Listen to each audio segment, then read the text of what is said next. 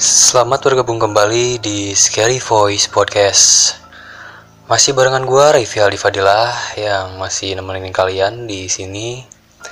Sebelum saya mulai di episode yang terbaru ini, saya ingin mengucapkan kepada pendengar di podcast ini, mohon maaf jika saya selama ini uh, jarang sekali upload di podcast ini dikarenakan saya memiliki kesibukan baru yang di mana di kesibukan tersebut tidak memungkinkan untuk saya membuat konten di podcast ini.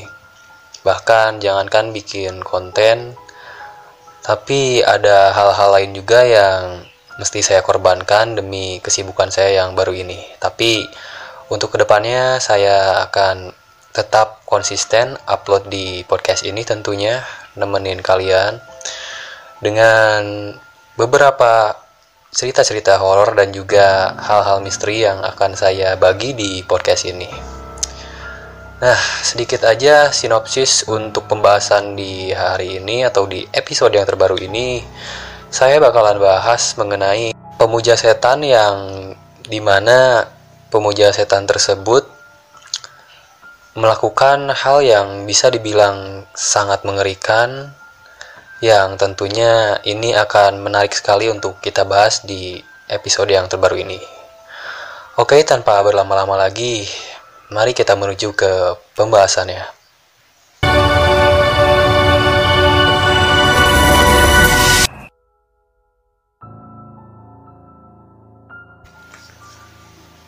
Pemuja setan, ya, hal ini mungkin sudah dibicarakan oleh banyak orang sebelum-sebelumnya, baik itu di konten YouTube ataupun di media-media lainnya, atau bahkan kalian juga mungkin sudah tidak asing lagi dengan sosok pemuja setan yang mungkin lebih bahasa lebih resminya itu adalah uh, kaum Illuminati. Ya, mungkin kalian sudah tidak asing lagi dengan nama tersebut dan bukan hanya uh,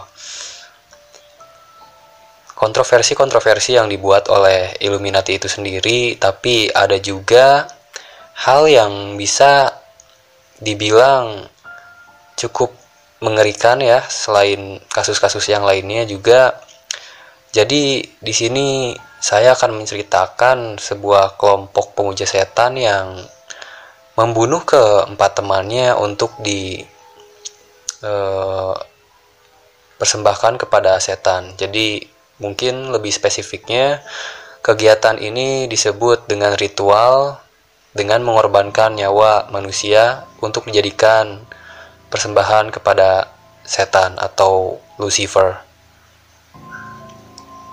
Oke, sebelum ke kasusnya saya akan sedikit menjelaskan mengenai uh, Illuminati atau pemuja setan ini.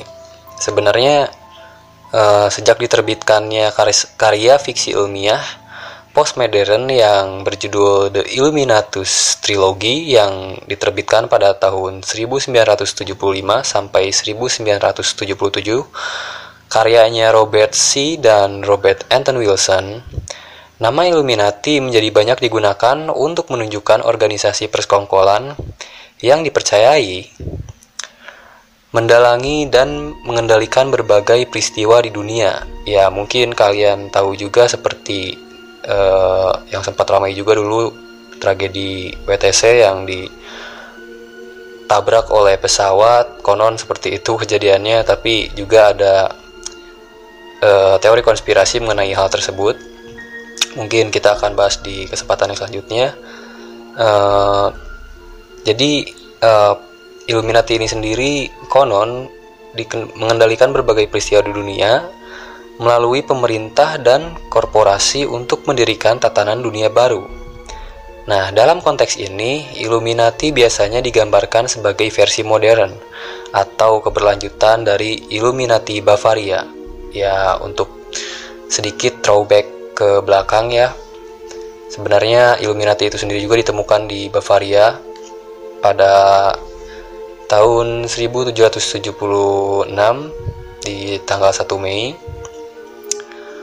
jadi awal mulanya terbentuknya uh, pemuja setan ini ditemukan pada tahun 1776 walaupun konon sampai sekarang uh, menurut kabar yang beredar juga gerakan-gerakan tersebut masih berjalan ya atau belum resmi dibubarkan oleh siapa pun. Oke, kita langsung saja masuk ke kasus dari pemuja setan yang membunuh keempat temannya ini. Jadi, dua tahun yang lalu, tepatnya di tahun 2018, kelompok pemuja setan yang ditangkap di Iguatu, Brazil, kelompok ini telah mengorbankan manusia dalam ritualnya dan sudah ada empat orang yang dibunuh oleh kelompok ini. Anggota pe kelompok pemujaan setan yang ditangkap antara lain adalah Roberto Alves yang berumur 41 tahun, Gleudson Barros yang berumur 30 tahun, dan Samia Besa yang berumur 17 tahun. Detektif Marcos Lira dari kepolisian setempat mengatakan bahwa mereka melakukan ritual pemujaan setan dengan tujuan mendapatkan kekayaan. Mereka yakin bahwa tindakan mereka akan membantu mereka memenangkan jutaan lotre dan memberi kekuatan melebihi orang-orang pada umumnya.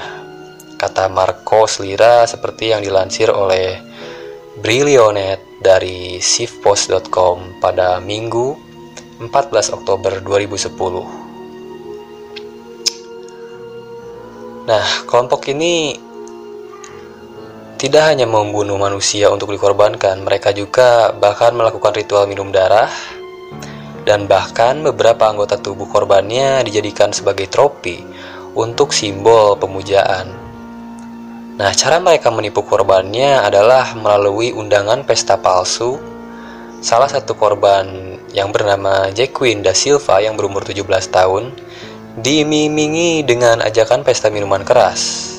Nah, setelah terjebak nanti, Korban akan disiksa dengan penusukan yang rata-rata ditemukan juga luka bakar di tubuh para korban dan tembakan senjata api di bagian leher dan sisi kepalanya.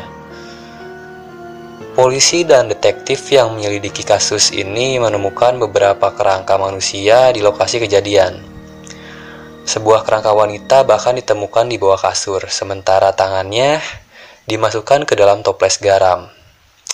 Coba kalian bayangkan apa yang kalian rasakan kalau kalian melihat sepenggal tangan yang dimasukkan ke dalam toples garam. Hmm, mungkin kalian juga akan merasa sangat sangat e, ngeri ya dan juga sekaligus menjijikan tentunya. Tapi ada juga seorang korban yang dipenggal kepalanya setelah dibantai Tengkoraknya dipasangi rantai misterius untuk digunakan sebagai alat pemujaan. Nah, keempat korban tersebut diidentifikasi melalui tes DNA. Polisi hingga saat ini masih melakukan penyidikan dan diduga korbannya masih lebih banyak dari yang ditemukan sekarang. Jadi, coba kalian bayangkan eh, dengan kebiasaan yang seperti ini, kelompok-kelompok pemuja setan tersebut mungkin juga ada benarnya telah memakan lebih dari empat orang.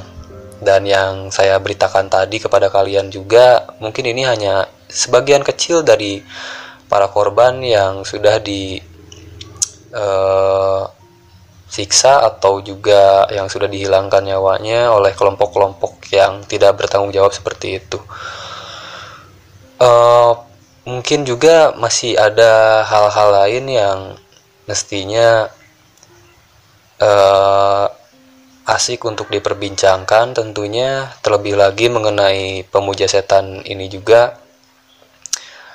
Intinya lebih banyak hal lagi mengenai uh, pemuja setan ini yang di mana juga mungkin ada konspirasi-konspirasi yang belum sempat kalian dengar dan rencananya akan saya bahas juga di segmen Mystery Talks mendatang. Jadi untuk kalian nih yang ingin request mengenai eh, hal-hal uh, yang berbau konspirasi mengenai pemuja setan ini, kalian juga bisa tulis aja di kolom komentar di Instagram. Nanti saya akan posting uh, sebuah video mengenai episode ini di Instagram. Jadi untuk kalian mungkin yang belum follow Instagram podcast ini bisa aja langsung kunjungi di Scary Voice Podcast. Di sana kalian bisa lihat timeline dari podcast ini tentunya dan juga uh, saya akan kasih sedikit bocoran untuk topik-topik apa saja yang akan saya bawakan di episode yang mendatang. Buat kalian juga mungkin yang ingin berkunjung ke profil Instagram saya bisa aja langsung cari di pencarian Instagram rayvialdi.fadilah atau juga mungkin kalian yang ingin share pengalaman horornya bisa banget di alamat email rayvialdi.fadilah@yahoo.com dan juga kalian yang uh, senang menonton konten YouTube. Kebetulan saya juga memiliki uh, YouTube channel yang bernama Ray Fadilah. Kalian bisa kunjungi, uh, linknya ada di Instagram bio saya pribadi. Kalian bisa langsung kunjungi aja, kunjungi aja di sana karena di YouTube sana juga saya membahas mengenai hal-hal misteri baik itu dunia horor atau juga hal-hal misterius yang lainnya. Oke, mungkin segini saja di episode yang terbaru ini.